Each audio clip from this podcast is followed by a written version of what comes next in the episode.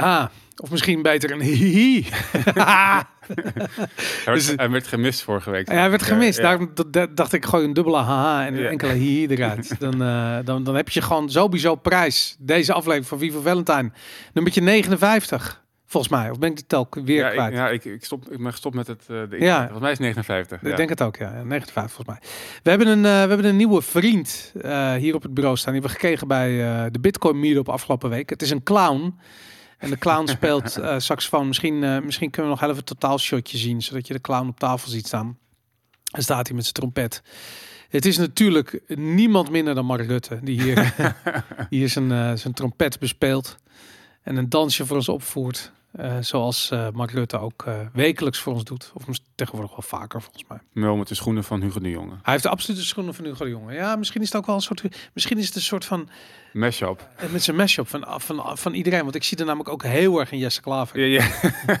ja. Echt ja. klaar. Rekend. Ja, en ook gewoon eh, ehm, vanwege die papegaai. Er staat een papegaai op zijn schouder. Dat, eh, misschien is dat ook wel een beetje piratending. Want die gasten zijn geen piraten. Dus dat is natuurlijk weer een beetje... is een beetje deze clown... Die, die, die, die papegaai is stoer voor de clowns in de politiek. Ja, zeker. Ja, ja. Ja. Nee, absoluut. Nee, Jesse Klaver is de minst stoere man uit de geschiedenis, denk ik. Ik wil allemaal van die beta-mannetjes. Dat eh soja vreten. Nou, oké. Ik ga ophouden met mijn oordelen. Ehm, je bent Welkom bij Viva. Yay, Ja. Viva. Waar vandaag nog geen soja genuttigd is. Heb jij al soja gegeten? Heb je soja latte? eh, nee, nee, nee, nee, ik ben ook niet zo van die. Nee, doe, doe ik ook niet aan. Wel eens in een orgaanvlees of zo. Orgaanvlees. Ja. Ik heb Het heel gezond te zijn. Ja, ik heb dat. eh, ik koop mijn vlees van een boer. En Hmm. eh daar kan je, eh, omdat niemand het wil, wordt het orgaanvlees er vaak bijgegeven. Dus Hmm. bijvoorbeeld eh, lever. Kun je dan een soort van, als je runderlever wil, wat echt ontzettend fucking gezond is. eh, dan vraag ik, heb je nog runderlever? En dan vaak heeft hij nog wel wat. Omdat heel veel mensen willen dat niet. Die Hmm. weten niet wat ze ermee moeten. Maar het is echt Grappig. ontzettend gezond. Dat heb je met zalm dus ook. Dus je hebt, je hebt zalm en zalmbuikjes. Dat zijn zeg maar de zijkanten van de zalm die worden afgesneden. En vaak in kattenvoer verwerkt omdat het heel vettig is. Oh ja? Maar het is het meest gezonde stukje van, eh, van de vis. Even los van dat je moet oppassen met heel veel zalm. Wordt gekweekt en Dat, ook ja. een beetje opletten. Maar als je zeg maar een goede zalm hebt, dan is het gezondste deel van de zalm de zalmbuik. Die wordt dus ook voor veel minder verkocht eh, dan, eh, dan zeg maar Bizar. het minder vette deeltje. Dus daarom dat die, die katten er zo goed bij lopen. Ja, ja inderdaad. Zalmbuik. glansende vacht, eh, goede huid. Nou, kunnen mensen nog wat van leren. Ja, die eet- beesten eten beter dan wij. Ongelooflijk. Wat een wereld. Ehm, ik ben boter gaan maken. Zelf. Ja. Oh, Ja, het is echt fascinerend. en ik had zoiets van, iedereen maakt altijd kaas, weet je. Dus toevallig, eh, ik ken iemand die, eh, eh, die heeft veel, dit is een hobbyboer en die heeft een aantal koeien en die melk. En ja, soms, die maakt zelf boter of die drinkt de melk zelf op geeft het weg of verkoopt het voor een euro per fles, weet ik veel wat. Maar hm. veel melk. Ja, weet je, dat, dat, dat gaat ook gewoon het riool in. Omdat het Echt? gewoon, ja, dat is ongelooflijk. Dat is echt een, wat een verspilling. Ik wil dat ook. Ik, Ja. ik, ik eet eh, sinds een half jaar, jaar eigenlijk alleen nog maar grasboter. Oké, Dus dat, is- dus dat, is- dat is roomboter gemaakt van koeien die helemaal gras eten. Want natuurlijk heel veel koeien en beesten Ja. tegenwoordig dezelfde shit gevoerd krijgen als wij zelf ook in de supermarkt kopen. Namelijk graan ja. Of, of, of mais, zeg maar. Dat soort shit eh, wat ze mee wordt voorgesteld. In plaats van gas, wat gewoon veel gezonder is. Ja. Maar het is echt mega duur gasboter. eh, en ik eet echt pakken per week weg. ja, wat betaal je voor een pak grasboter? Tegenwoordig, nou, het is door inflatie nog debieler geworden. Maar tegenwoordig is 3,40 euro geloof ik of zo voor een eh, pakje boter. Maar en dan heb je het gewoon over, weet ik veel, Campina of iets dergelijks. eh. Ja, Ca- Campina of eh, Campina boot, hoe heet dat nou? Gasboter of die andere is eh Kerry Gold uit Ierland. Eh, die, is, die is nog duurder geloof ik, 3,70 euro. ja, Nou, import natuurlijk. Ja, god, dat, het is Dus- duur inderdaad. Maar ik moet je wel zeggen, het is ook duur om het zelf te maken. Want je hebt best wel veel melk nodig Ja. om de room te krijgen waar je uiteindelijk de boter van maakt. Mm. En ik had altijd zoiets van, waarom doet, weet je, waarom maakt niemand, specialiseert niemand zich in boter? En toen kwam ik er dus achter dat in het hele proces, boter is eigenlijk het laatste wat overblijft. Dus je, Mhm. je hebt melk, je hebt karnemelk. Nadat de melk gekarnd is, hij blijft er karnemelk over. Ja, maar daar wordt, dat is toch de melk, in het Engels heet het buttermilk. Ja. Maar dat is dus de melk waar boter van gemaakt is en wat overgebleven. Wat overblijft als je boter Ja, maakt. precies, Dus je ja. schept de, de, het vet ervan af. Ja. En eh, wat er overblijft is dus inderdaad karnemelk of buttermilk. Mhm. En dat is een ander, nou goed, het is in, in wezen, het, het, het is op een bepaalde manier een beetje gefermenteerd en dat komt waar de zure smaak vandaan komt. Hm. Maar dat, eh, eh, maar goed, en dan heb je nog zure room wat er overblijft, eh, eh, andere roomsoorten en daar kun je vla van maken, weet ik wat. Maar helemaal aan het eind van de rit blijft dus, heb je dus boter. En het is dus, boter is het duurst om te maken, omdat het meeste bewerking nodig heeft van, van al die, die, die, die producten die in dat proces tegenkomt. Hoe gaat dat? Je gaat van melk, naar, dat ga je karnen, zodat de room eraf kan gehaald kan Je worden? schept de ro- room er, eerst laat je het een aantal dagen staan, gaat het een heel klein beetje fermenteren, schep je de room ervan af. Die room die ga je eh, eh, eh, kloppen. Ja. En dat wordt eerst lijkt het op slagroom en dan op een gegeven Ja, moment precies. merk je dat, dat echt letterlijk al het vocht eruit gaat en dan blijft er boter over. Daar echt e- eventjes in een notendop. Ja, want vroeger toen ik eh te fanatiek slagroom klopte, dan kreeg ik hem ook wel eens boter volgens mij. Ja. Als je te lang doorgaat. Precies, ja, met- dat met klopt een inderdaad. staafmixer. Ja. Nou, je moet dan wel wat, als je, als je, als je slagroom hebt en je gooit er een klein beetje eh karnemelk bij, bij wijze van spreken, laat het even staan. Mhm. Eh, dan, dan zou je in feite ook bo- daar zou je boter mee kunnen maken. Hmm. Want slagroom is eigenlijk een stap in dat proces. Hm. Maar goed, ik vind het helemaal fucking fascinerend. Ja. Ik heb zoiets van ja, ik moet iets te ook? ruilen hebben, weet je. Ja, Als als straks de eindtijd eh als, aanbreekt. als het einde der tijden is. Van oké, weet je, ik, ik heb eh, ja, weet je, een paar kippen en eh, niet echt genoeg. Maar goed, ik dacht van ja, boter. Als je boter kan maken,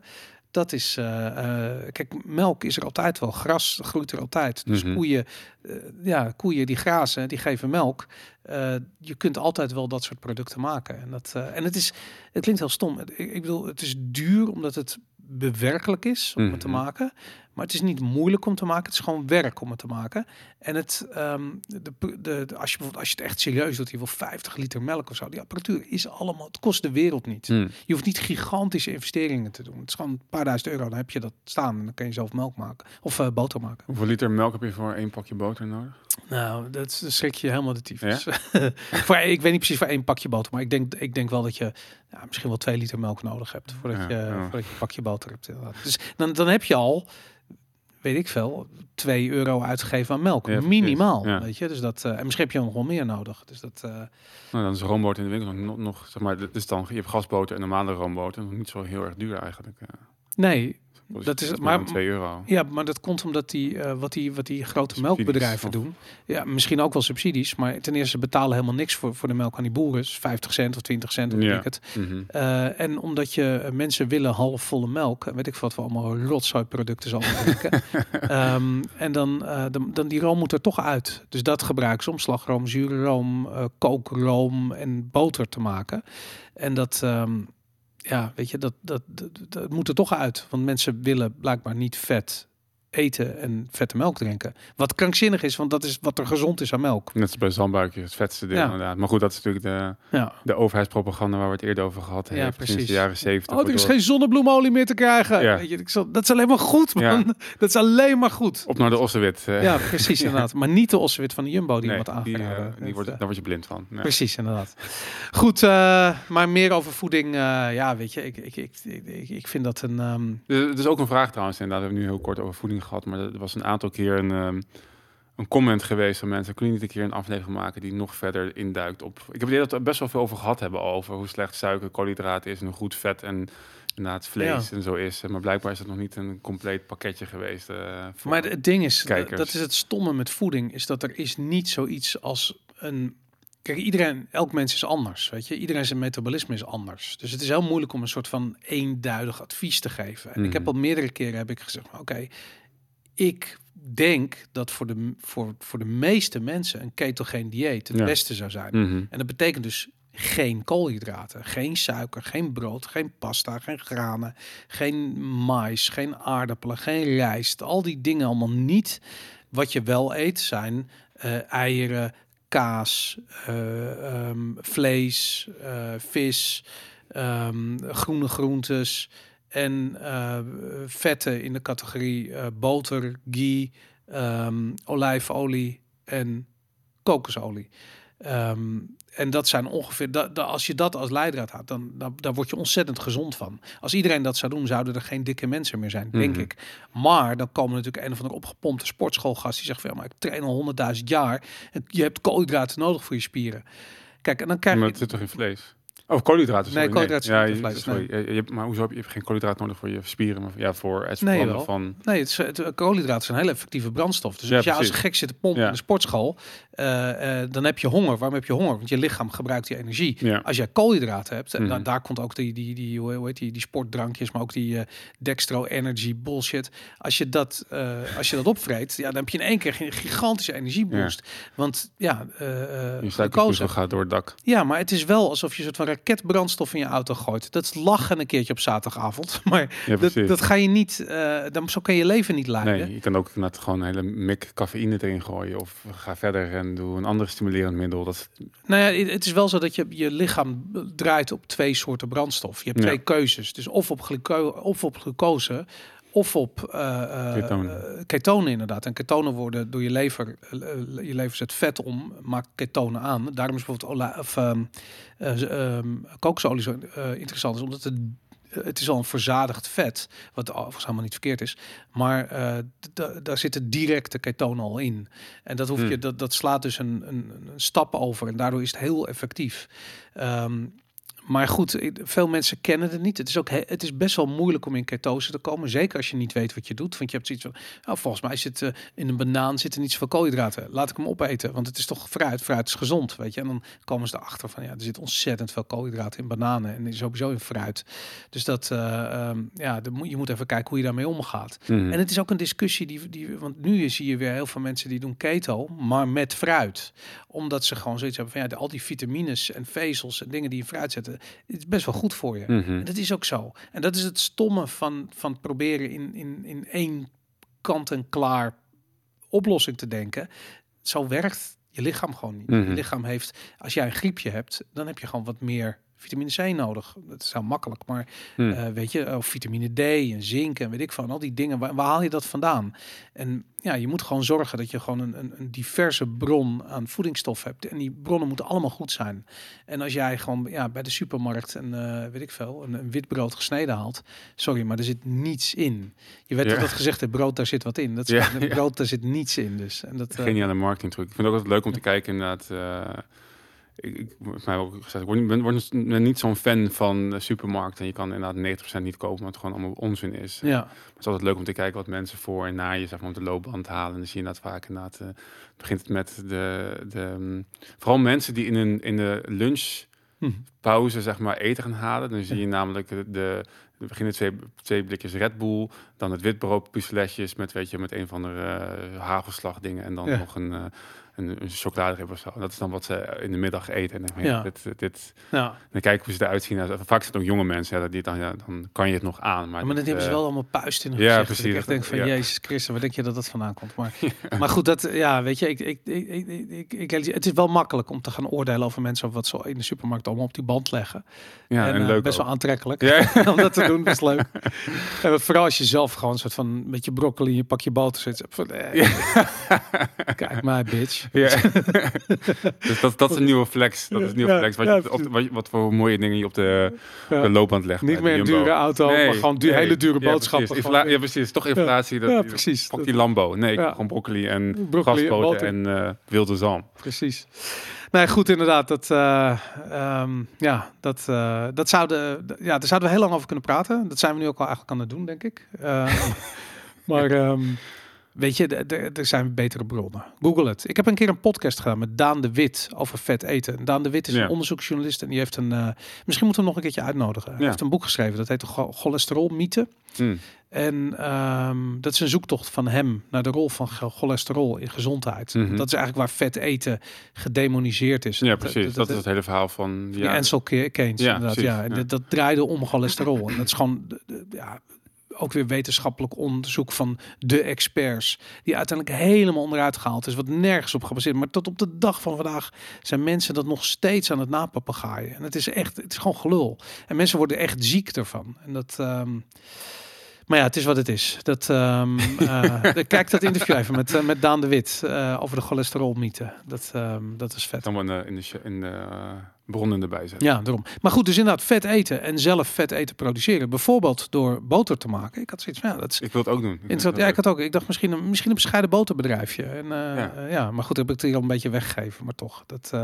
Ik vind het wel leuk dat ondernemen ook richting. we zitten nu eigenlijk al een beetje in het begin van de eerste show notes, zeg maar, het praktisch oplossing voor de, voor de waar we, waar we in zitten. Maar het, ik vind het leuk om te ondernemen in dingen die inderdaad. eh wat ik zeg, zo'n boterbedrijf, dat het vroeger misschien helemaal niet, niet, niet sexy gevonden of zo. Maar ik vind het nu zo onwijs interessant, om- omdat, omdat het zo belangrijk is voor de mensheid dat je gewoon goed Ja. eten hebt en daar iets. En heel veel mensen het niet weten of er niet mee bezig zijn en niet de tijd nemen om te onderzoeken. En ja, weet je, als je daar iets mee kan doen, dat lijkt me echt, ja, dat lijkt me echt geweldig. eh. Ja. Ik vind het ook, ook wat raar. Ik, word, ik had niet of ik ooit had gedacht dat ik eh, op 37-jarige leeftijd enthousiast zou worden van boter, zelf boter maken. Ja, ja, Dat ik heb het ook. Ik, ik ook. Eh, Een goede vriend van me die eh, nu waarschijnlijk zit te luisteren. Die, daar had ik het gisteren nog over, over dit boter, deze boter adventure. En ehm, die was ook enthousiast. Had hetzelfde bij. Ja. Het is gewoon vet. Het is gewoon tof om, om, om, om zoiets, te, eh, zoiets te doen. En wat ik ook interessant vond, dat, dat hoorde ik van een, eh, van een boer, dat eh, de boterregelgeving in Nederland is vrij streng. Dus als op het moment dat jij een pakje boter op de markt brengt, dan komen allerlei hoepeltjes waar je door moet regel, qua regelgeving en bureaucratie. Uiteraard, natuurlijk Uiteraard, levens- levensgevaarlijk Ja, boter. pre- precies. Eh, net als dat rauwe melk bijvoorbeeld. Een, ja, in Nederland is dat niet illegaal trouwens, maar in Amerika wel. Is Oh, niet? gewoon straight up verboden in Oh, Amerika. ik dacht hier ook. Nee, volgens mij niet. Nee, je kunt gewoon een rauwe melk inkopen. In ieder geval bij boeren kan het. Ze, ko- ze verkoopt het gewoon niet in de supermarkt. Nou, wel bij een biologische supermarkt, volgens mij. Ja? Ja, dacht, dat weet, weet ik vrij zeker dat ze dat Ah. hebben. Maar goed, anyway, dat, ehm, ehm, eh, ik had zoiets van, ja, ik ben niet geïnteresseerd in de regeltjes. Ik ga gewoon boter maken. Fuck it, eet ik het zelf allemaal op. Dat kan ze. Al je kan alles voor eigen consumptie kan je doen. Goed, ehm, Ja, ja, en bij de boer kan je het kopen. Het kan wel.nl zegt dat. ja, kijk, als ze hebben ook gelijk. Rauwe melk kopen bij de boer, althans Ja. in Nederland. Nee, dat kan Ja. gewoon. En eh, ik weet ook bijvoorbeeld veel boeren, eh, als je in, een- in een beetje agrarisch gebied gaat kijken, en zeker als er melkboeren zijn, eh, die hebben vaak een, een, een, ja, een tap, heet dat, aan de weg staan. is vaak een soort koelkastdingetje, dan gooi je een euro in, dan hou je een fles om, dan krijg je een liter rauwe melk. En dat, dat, ja, dat vind ik heel tof. En dat eh, ehm, Ik ga het doen. super simpel, ja zeker. Goed, ehm, we hebben heel veel onderwerpen. Maar wat we ook heel veel hebben, zijn heel veel reacties van kijkers. Ehm, en dacht, misschien is het leuk om daar even bij stil. Eigenlijk dacht jij dat, Robert, om daar even bij stil te staan. Ehm, we hebben hier een reactie van iemand die we even willen bespreken. eh, in de extra uitzending die doorgaat op vivovalentine.com nadat deze live eh, première stopt op, eh, op YouTube. Als je hem later terugkijkt, dan weet je, dan staat al op uh, vivovalentine.com staat al de, de extra voor onze tribe members. Ben je nog geen tribe member? Dan kan dat nu tegenwoordig nog makkelijker, want achter de schermen is Robert druk bezig om de boel steeds gestroomlijnder te laten lopen. Ehm, je helpt ons daarmee, uh, maar uh, het hoeft natuurlijk niet. Je kunt ons ook wel helpen door gewoon te liken, te subscriben, het belletje aan te klikken en door de uh, gebruikelijke YouTube hoepeltjes te springen, um, zodat je voor eeuwig en altijd geflagd bent door de, hoe heet die shit, de NCTV of weet ja. ik wel, die, die, die, die, die, die gekken in Den Haag die onze podcast luisteren ja, ja. en alles in kaart brengen. Dat was toch, ja. Ja, en het werd trouwens massaal gedaan vorige week. Even twee dingen. Massaal, jij vroeg het vorige week ook. En ik zag massaal ja. mensen had heel veel comments. Dus dat is ja. super chill. Tof, dus, ja. Die algoritmes lekker, lekker hacken. En ik kreeg een... Iemand zei, je kan je NCTV um, dossier wobben. Oh. Ik geloof er geen reet van. Maar ik ga het doen voor... Vet. Jou, mij en Heel de tof. podcast. En kijken wat eruit gaat oh, komen. Tof. Ja man. Zwart gelakte uh, ja. pagina's gaan we krijgen zien. Ja, lekker wobben. Dat lijkt me heel tof. Ik ben benieuwd wat ze... Ik, ik hoop, ik ga er gewoon vanuit dat ze elke week de podcast luisteren. Ik, ik zou eigenlijk teleurgesteld zijn als we geen dossier hebben. Nee, dat zou, zou ik ook... Dan, waar doe je het dan ja, voor? Weet je? Dat, Dat, uh, ja, nee, ik weet zeker dat we een dossier hebben. Kom op. Laat ons niet in de steek daar in Den Haag, jongens. Ja. Ik bedoel, jullie zitten daar betaald lekker te twitteren en te facebooken en weet ik wat. Het minste wat jullie kunnen doen is ook onze podcast uh, luisteren.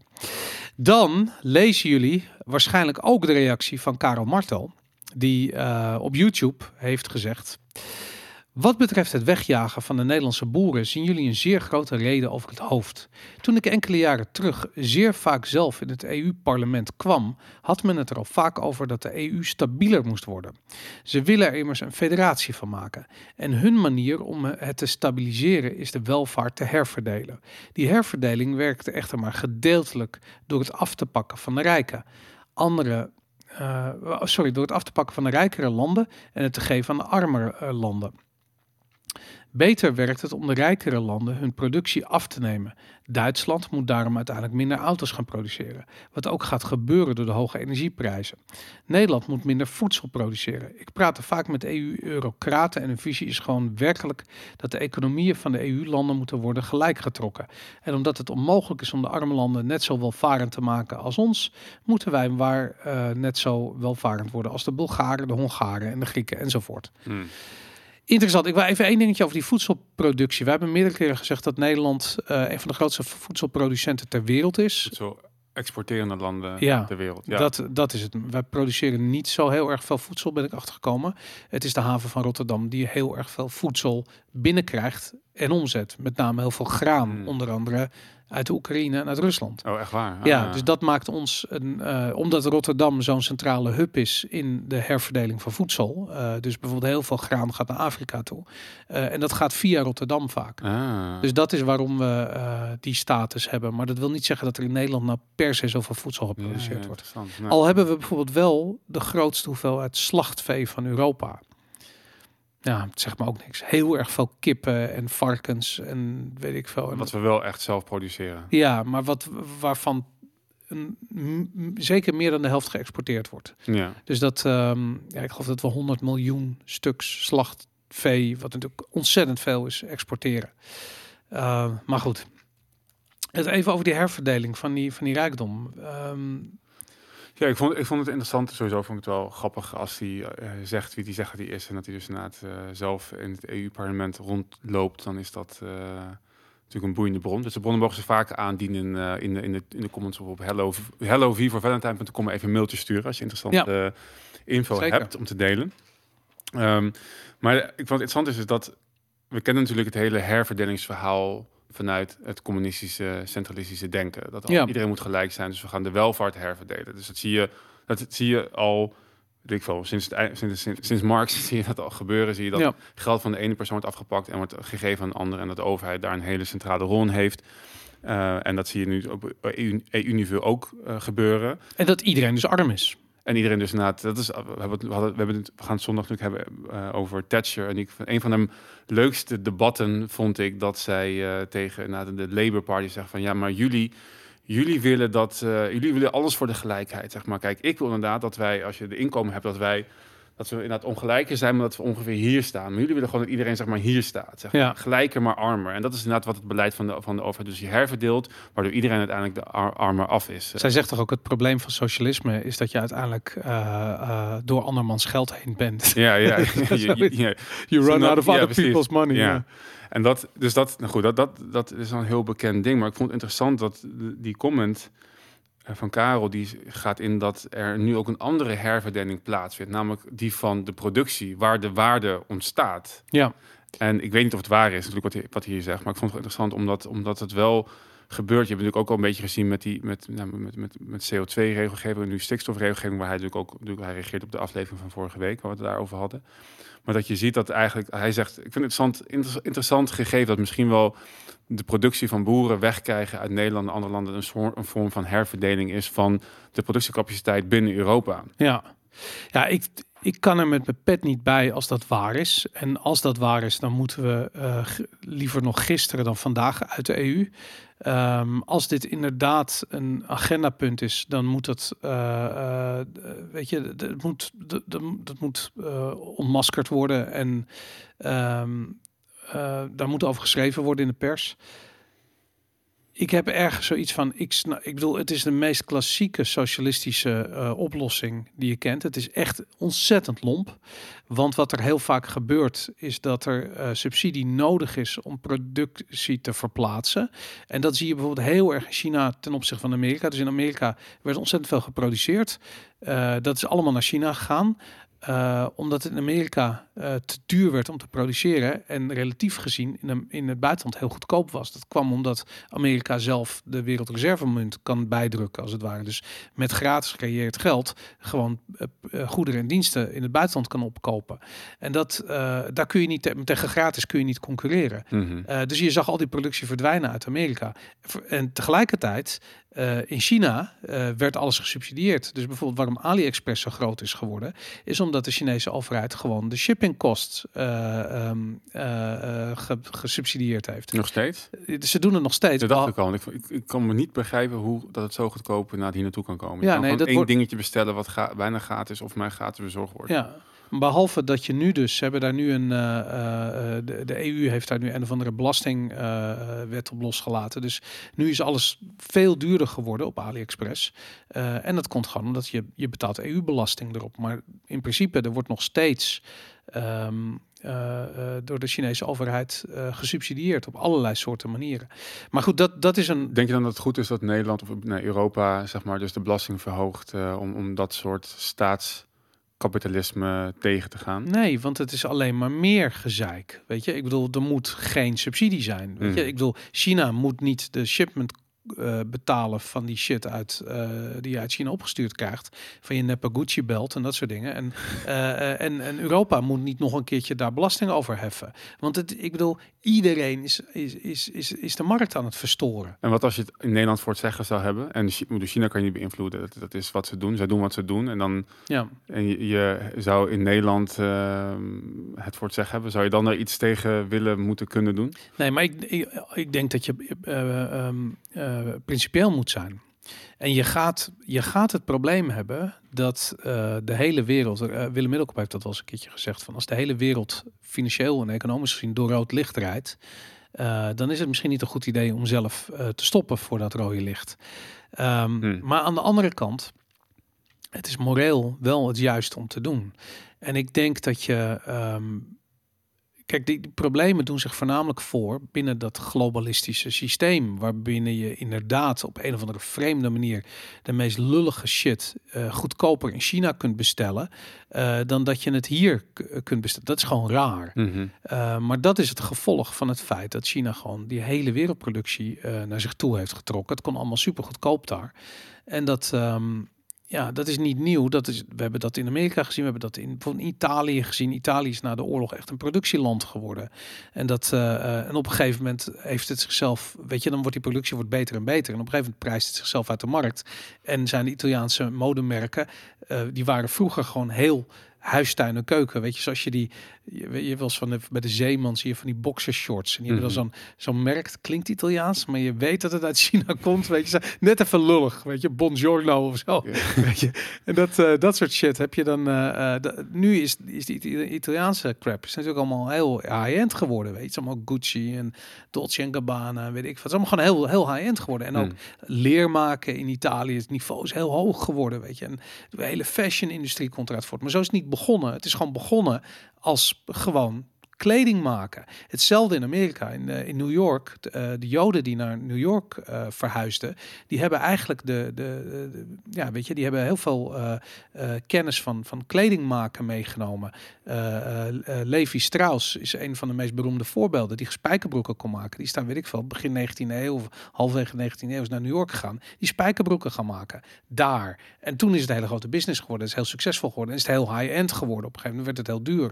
Maar dat, zo is het nooit begonnen. Het, het was gewoon, het waren allemaal gewoon een soort van pakkenmakers en kledingmakers. Dat was niet high-end. Hmm. En dat, um, maar goed, nu is alles dus naar China toe.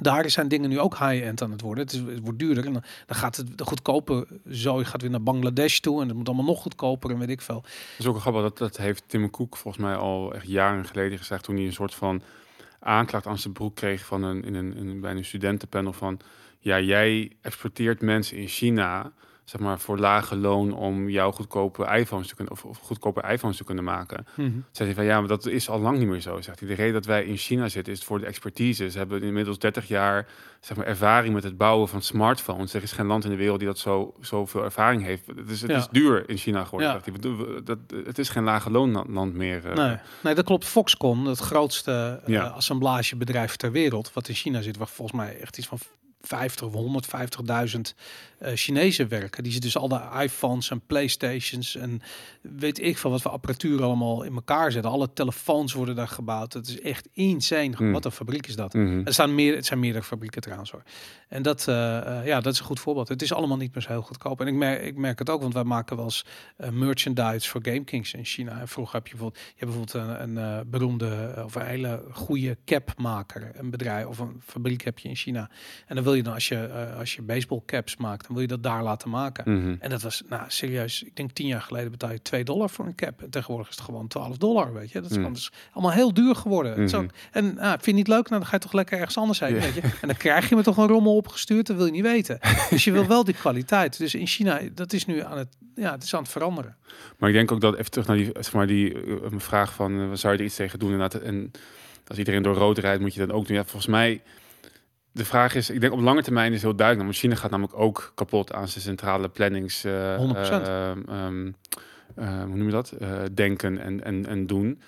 Voor mij, ik stuurde van mijn voorvanger die app door dat Evergrande is nog een soort van on-live support, maar gaat een keer keihard. Nou, dat vallen. is bezig om vier te gaan. Ja, en dat, en dat, stuk gaan, en, ja. nou goed, en dat gaat met alles, want ze denken dat ze alles kunnen, centraal kunnen plannen. Dus het gaat, uiteindelijk gaat, gaat die subsidiekraan vanzelf dicht. Dus Ja. als Nederland zou kunnen kiezen, zouden ze weer uh, sound money en inderdaad en gewoon de belastingdrukte afhalen. Er zijn namelijk ook regio's in de wereld die zonder overheidsinterventie, zeg maar, um, het, het, het, het best opereren. Ik heb een keer gehoord dat bijvoorbeeld de, de, de schapenwol of schapenindustrie in Australië redelijk reguluw is. Oké. En maar ook een van de grootste ter wereld, zeg maar. Omdat ze dus ook heel hard moeten concurreren en daardoor zeg maar gewoon Ja. de beste shit hebben, hebben gemaakt. Dus volgens mij is nou de oplossing niet een regel met een andere regel oplossen, maar na de regels wegtrekken. En zorg maar dat Nederlanders um, makkelijk kunnen produceren door de belastingdruk naar nul te, te schroeven. Ja. En dan gaat het vanzelf. Want Amerika was in die tijd waar je- dat het allemaal uit Amerika ging, niet alleen door het geld, ook hadden zij gewoon een van de hoogste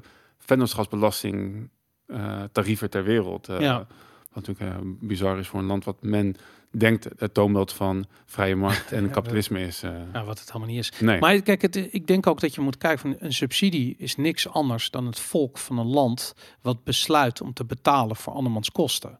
Dus als, als de Chinezen met elkaar, het zij onder druk, het zij niet onder druk, besluiten om te betalen voor de verzendkosten van onze neppe Gucci eh, eh, eh, riemen, dan, ehm, ja, nou, dank je wel. Als iemand je een cadeau geeft, dan zeg je niet van nee, maar dit is niet eerlijk. Nee, dan zeg je gewoon van dank je wel, Ja. cadeau. En de, ik heb er niet voor betaald. ja, en wat je krijgt, oké, dat betekent misschien dat de productie van Neppe Gucci riemen weggaat uit Nederland. Maar er, de, ehm, er blijft meer geld in Nederland zitten. Weet je, er gaat, wordt geen geld uitgegeven aan het verzenden van die riem. Dat, het blijft hier zitten. Mhm. En dat betekent dat er dus meer geld overblijft hier in Nederland. Ehm, want je, je krijgt iets cadeau, dus je betekent dat je minder hoeft uit te geven. Nou, daarmee zou je kunnen zeggen, daar rond dat geld ontstaat nieuwe economische activiteit. Mhm. En ik denk dat dat. ehm, dat je dus uiteindelijk de situatie krijgt. Je kunt niet cadeautjes blijven uitdelen. Mhm. Weet je, je kunt dat even doen, dat is leuk, dan ben je heel populair. Nou, dat hebben we gezien. China was heel populair. Nu is het klaar, nu, is- nu eh, stort de boel in elkaar. Dan eh, zijn ze klaar met cadeautjes. En dan, nou goed, dan gaat iemand anders een cadeautje uitdelen. En zo niet, dan niet, weet je. Want dat is hoe het uiteindelijk eindigt. Dat hebben we in de Sovjet-Unie ook gezien, weet je. Daar hebben ze ook geprobeerd om de hele boel centraal te plannen. En ja, weet je, eigenlijk in de jaren tachtig was het al klaar, weet je. Is het gewoon ingestort. En toen op een gegeven moment viel het ijzeren gordijn. Dan is het helemaal klaar. Maar dat, ehm, dat is hoe dat eindigt. Er is geen ander einde mogelijk dan dat.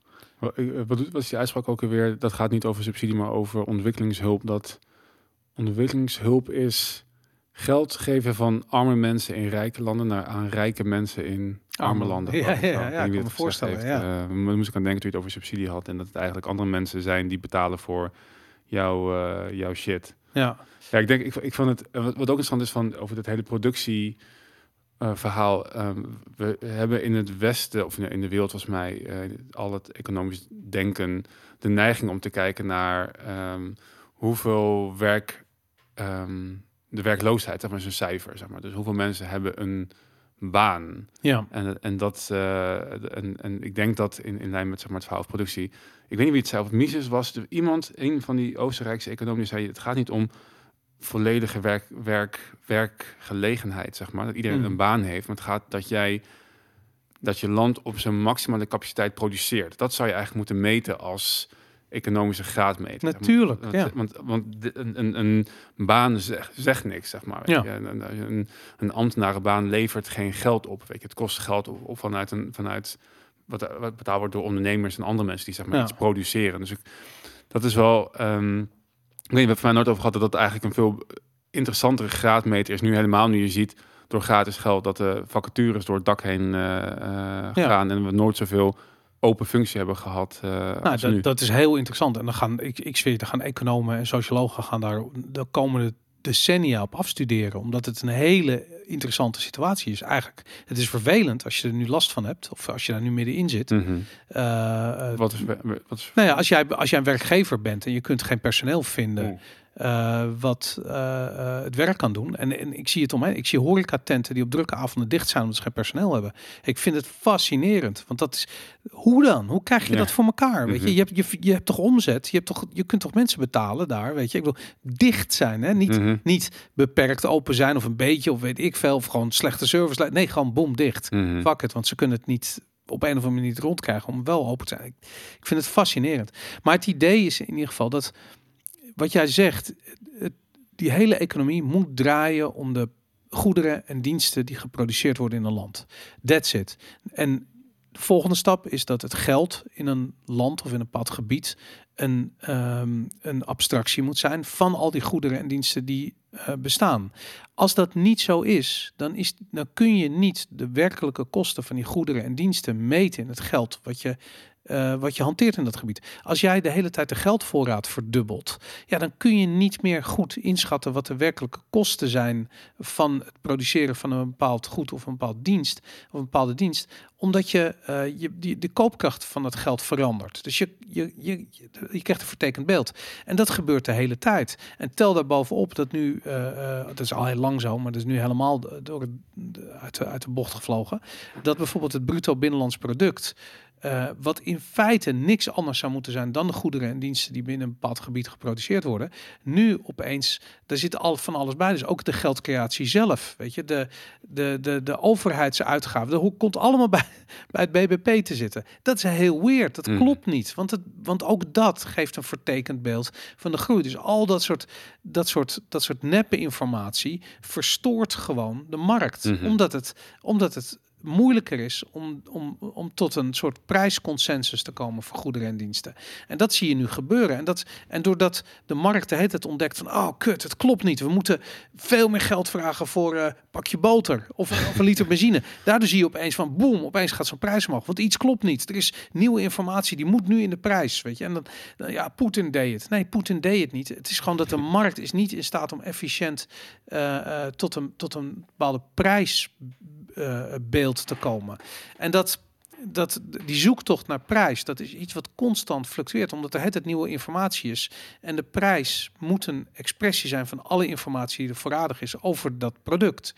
En dat, ja, dat wordt lastig op het moment dat de informatie zo verstoord wordt Mhm. eigenlijk. En dat, ehm, ja, weet je, ik bedoel, ja, dat, dat is het probleem. Ik, ik kreeg trouwens nog interessant eh, feedback. Want we vroegen, was dat vorige week? Dat we vroegen hoe kan het dat de olieprijs een record aantikt? Of bijna een record? Benzineprijs, terwijl de olieprijs niet Ja. een record aantikt. Ja. Ja, of nou, nou dat, dat, nou, de, de, dat er niet een hele sterke correlatie lijkt tussen een vat olie en, een- en, en benzineprijs. Dat Ja. volgens mij zou dat heel sterk gecorreleerd moeten zijn. Toen heb ik meerdere mensen horen, horen zeggen en volgens mij reageren dat het te maken heeft met de, ehm, de, de, het type olie. Ja, dat hebben we toen ook benoemd, toch? Ja, dat hebben we net ook benoemd inderdaad. Ja, klopt. Ja. dus maar dat, en dat, iemand die bevestigt dat nog. Te, Het is gewoon me. duurder om een liter benzine uit een vat olie te distilleren. Of weet Nee, nee eh, grappig. Nee, het, wa- het- dat, ja, dat mij zeiden we dat. Maar het zit dus zo dat uh, raffinadierij- raffinaderijen, raffinaderijen Uh-huh. worden ingesteld op een type olie. Ja, Dus- klopt. Ja. dus- Op de Russische olie, want dat is waar het allemaal vandaan kwam. Ja, dus maar dan het, het verwerkingsproces is dus heel anders dan als je dus nu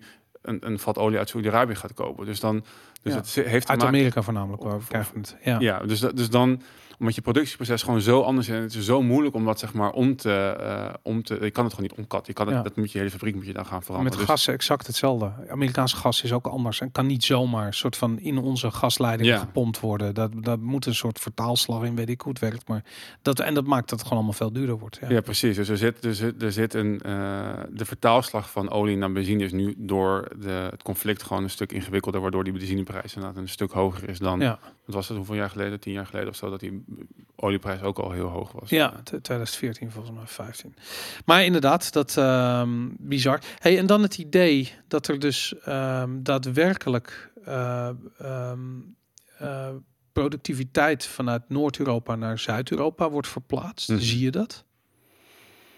Ik kan namelijk geen ander voorbeeld voor ogen halen, behalve dat eh, onder het mom van milieu, tussen aanhalingstekens, Mhm. wordt gewoon bepaalde economische activiteit Precies. gefrustreerd in het noorden. Dat zie ik wel.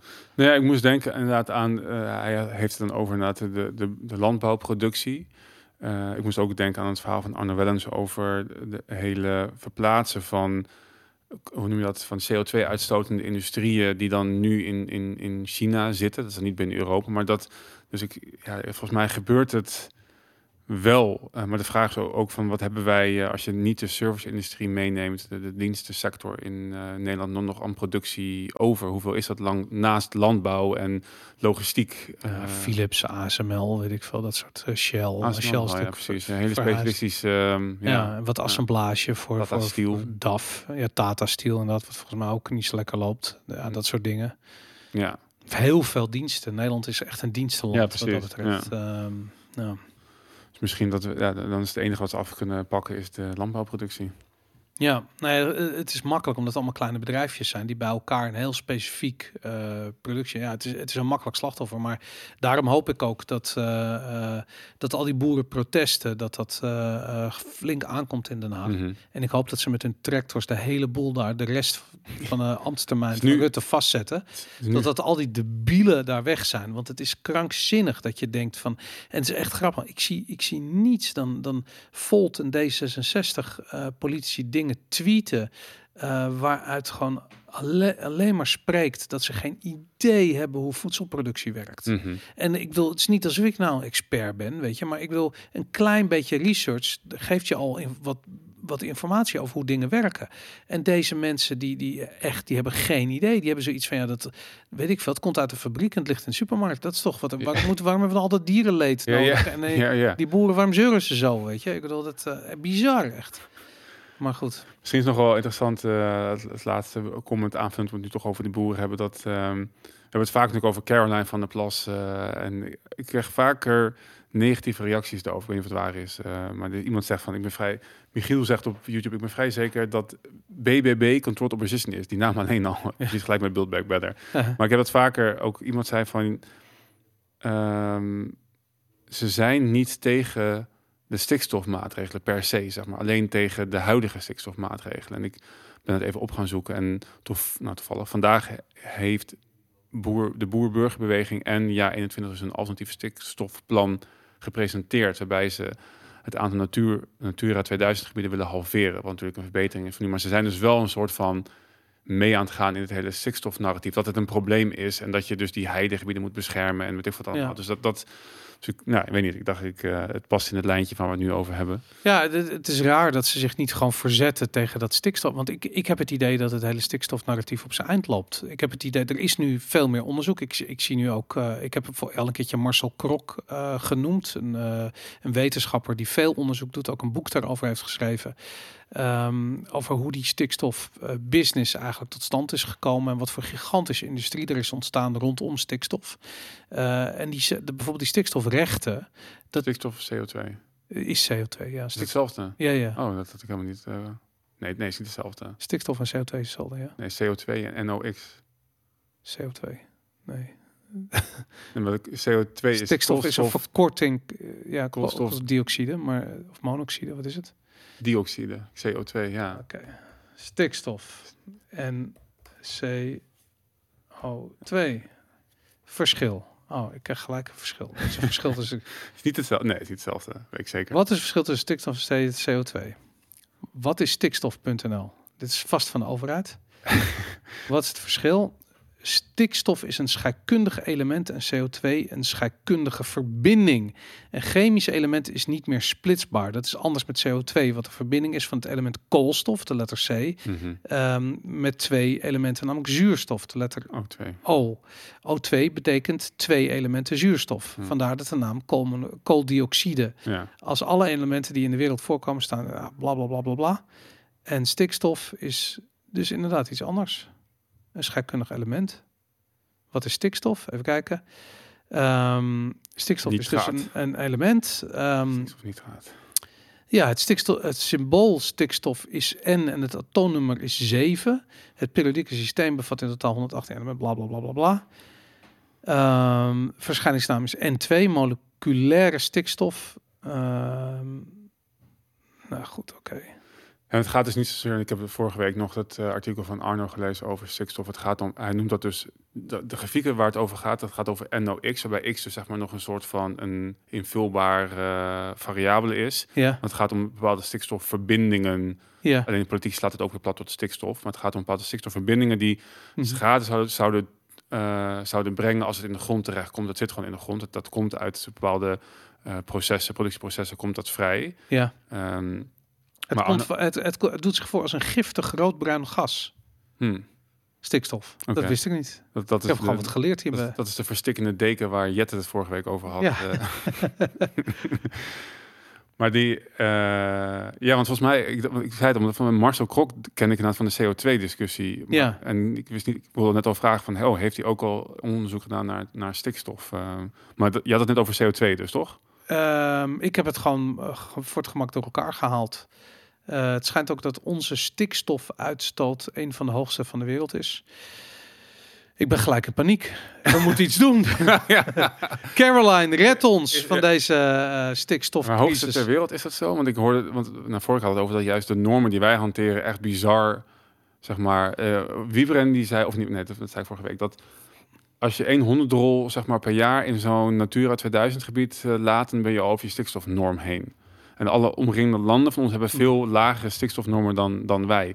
En daarbij is dus het gevolg van stikstof dat heidegebied verandert in bosgebied. Ja, als je, maar is- ja, is dat zo? Want hier Ja. staat stikstof verzuurt de bodem, waaruit mineralen verdwijnen. Bomen sterven en bepaalde plantensoorten die weer belangrijk zijn voor de vogels en insecten blijkbaar. Die gaan dus weg. Stikstof kost ons gemiddeld vier maanden van ons leven.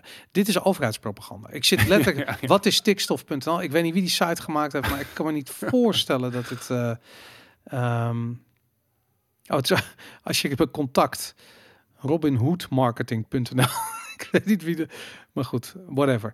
Ehm, Misschien is het zo'n links, eh, eh, zo'n milieuactivistische ja. linkse groep die eh, ja. toch wel een soort van eh, semi-overheid. Nou, ik bied mijn excuses aan officieel. Er is een groot verschil tussen stikstof en CO2.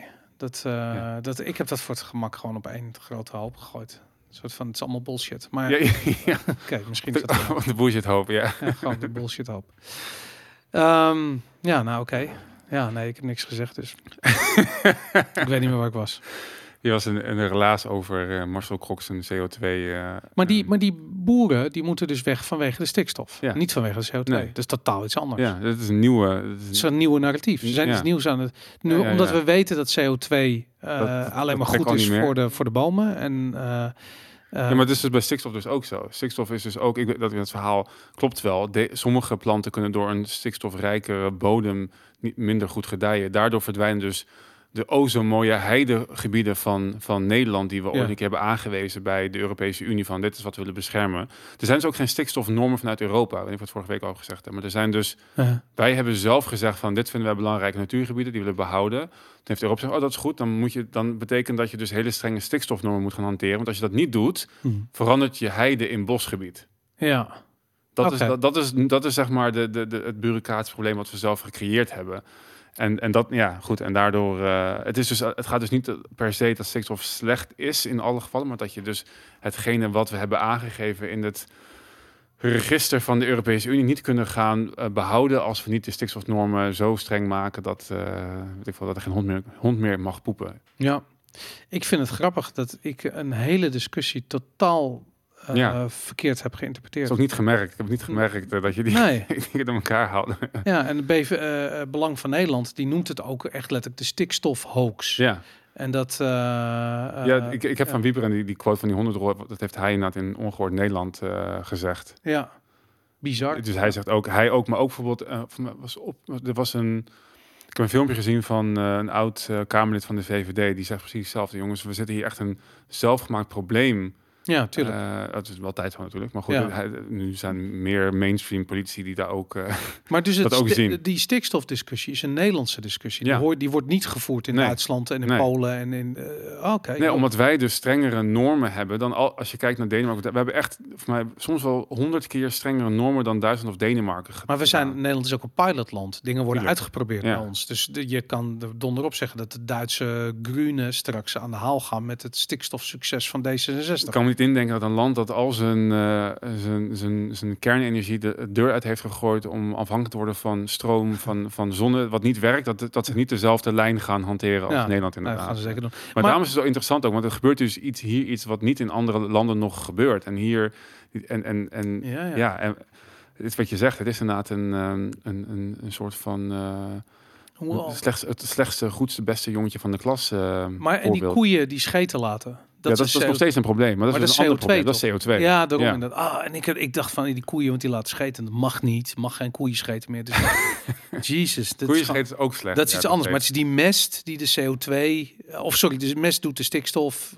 Toch? Ik weet niet of mest, eh, voor mij zit, daar zit ja, ook Wat doen die koeien? in, Want de koeien is wel degelijk. Dat zit, zie je, ehm, koeienhaat noemt BVNL het ook. Oké, maar goed. Volgens mij zit ook in, ja, in mest zit, zit ook inderdaad een stikstofverbinding, volgens mij.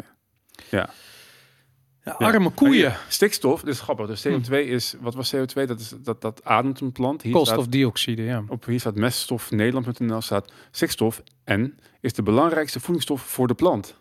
Ja, nee, tuurlijk. Want dat is waar kunstmest Ja. vandaan komt.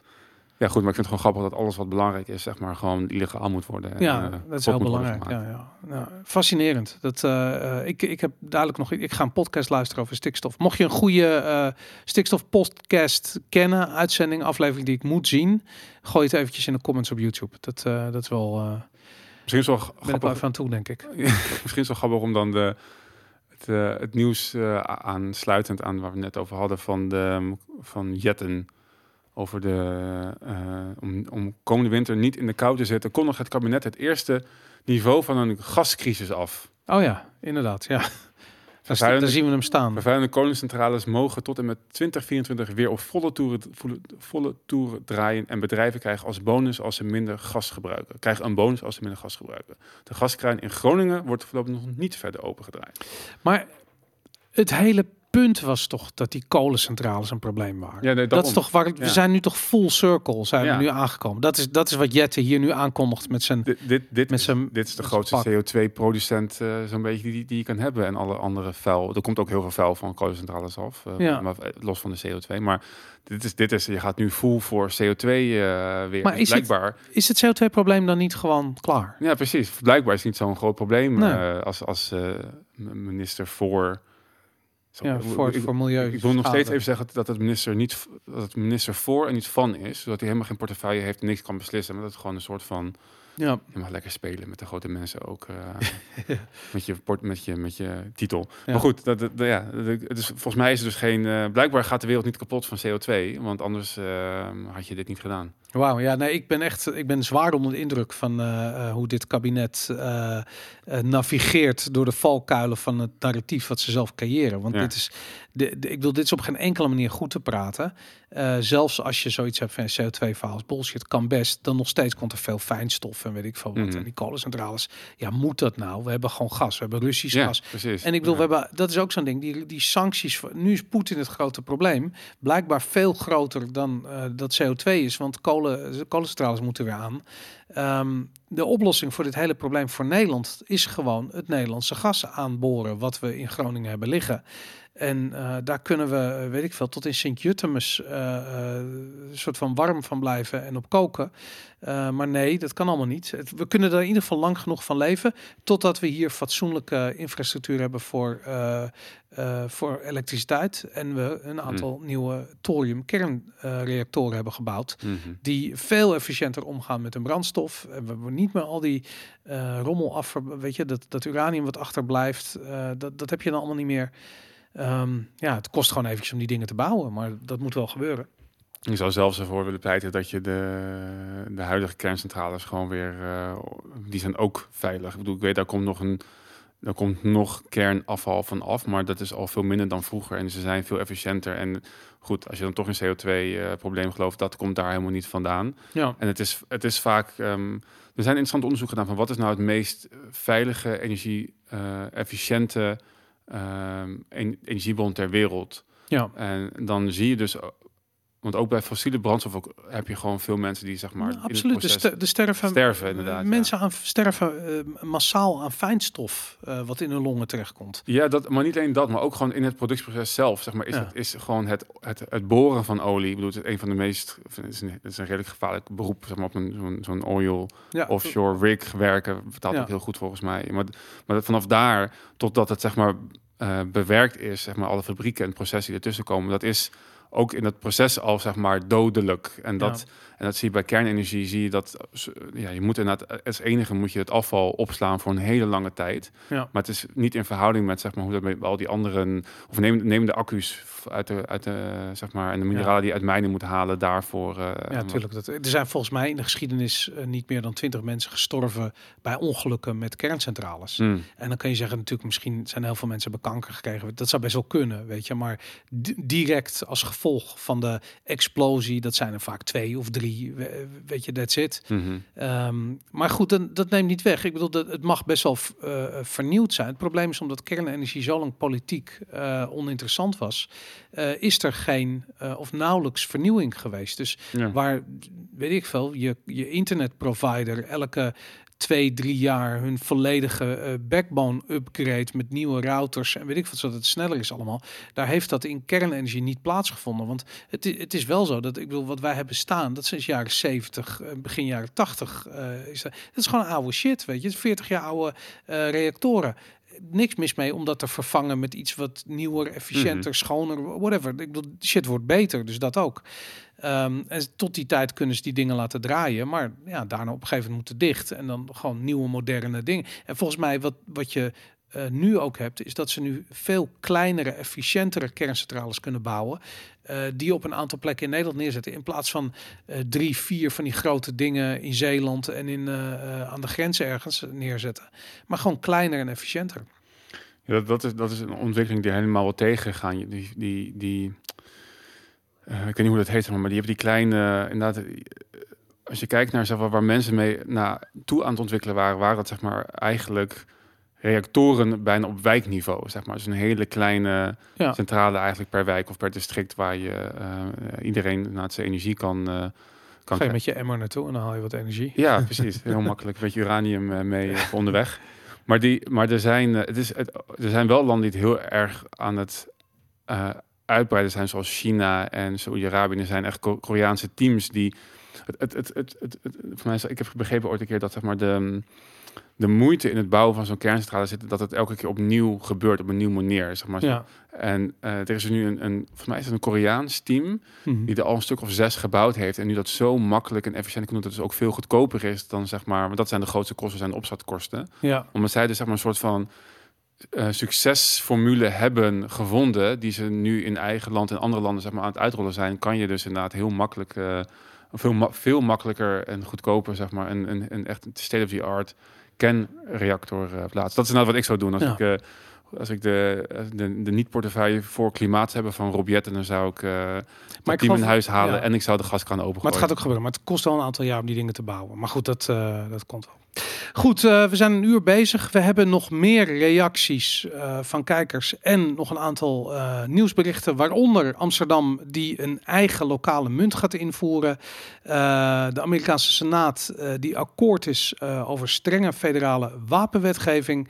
En uh, het aantal zetels in de Tweede Kamer, wat uh, volgens uh, PvdA, GroenLinks en de ChristenUnie en Volt moet worden uitgebreid. Daar gaan we het over hebben in de Vivo Valentine nummer 59 extra, die direct hierna van start gaat op vivovalentine.com. check dat um, en dan zien we je daar verder. Bedankt voor het kijken.